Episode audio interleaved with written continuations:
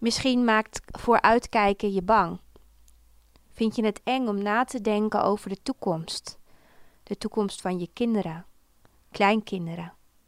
Misschien vind je het naar om na te denken over wat er allemaal gaat gebeuren op het wereldtoneel. Vooruitkijken kan angstig maken.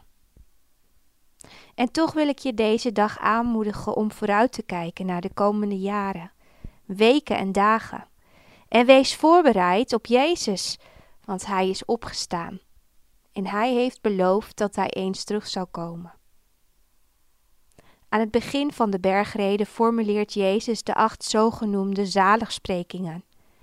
Het woord zalig gebruikt hij vooral om onze wens mee uit te drukken dat iemand die gestorven is nu ook opgenomen is bij God. Dat hij is bij de Heere Jezus Christus. En daarom hoor je soms ook, het is een beetje ouderwets, maar wie weet hoor je nog wel eens, God hebben zijn ziel.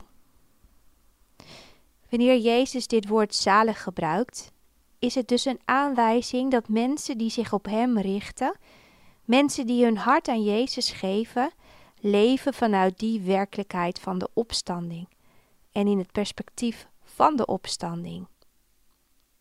De zaligheid, het bij God zijn, het bij Jezus zijn, ruist vanuit de eeuwigheid op in ons dagelijks leven als christen.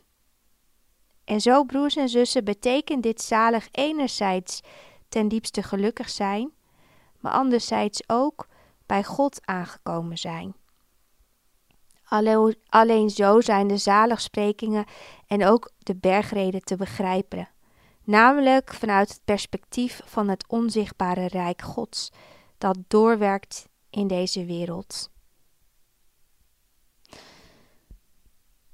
Als vooruitkijken je bang maakt, dan mag je tegen jezelf vandaag zeggen: Er is iets heel hoopvols om naar uit te kijken. Kijk vooruit in de komende weken en dagen, in de komende tijd. En maak je klaar voor Jezus, want Hij is opgestaan. Hou rekening met Hem die ons leert bidden.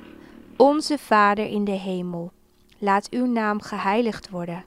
Laat uw koninkrijk komen en uw wil gedaan worden op aarde zoals in de hemel.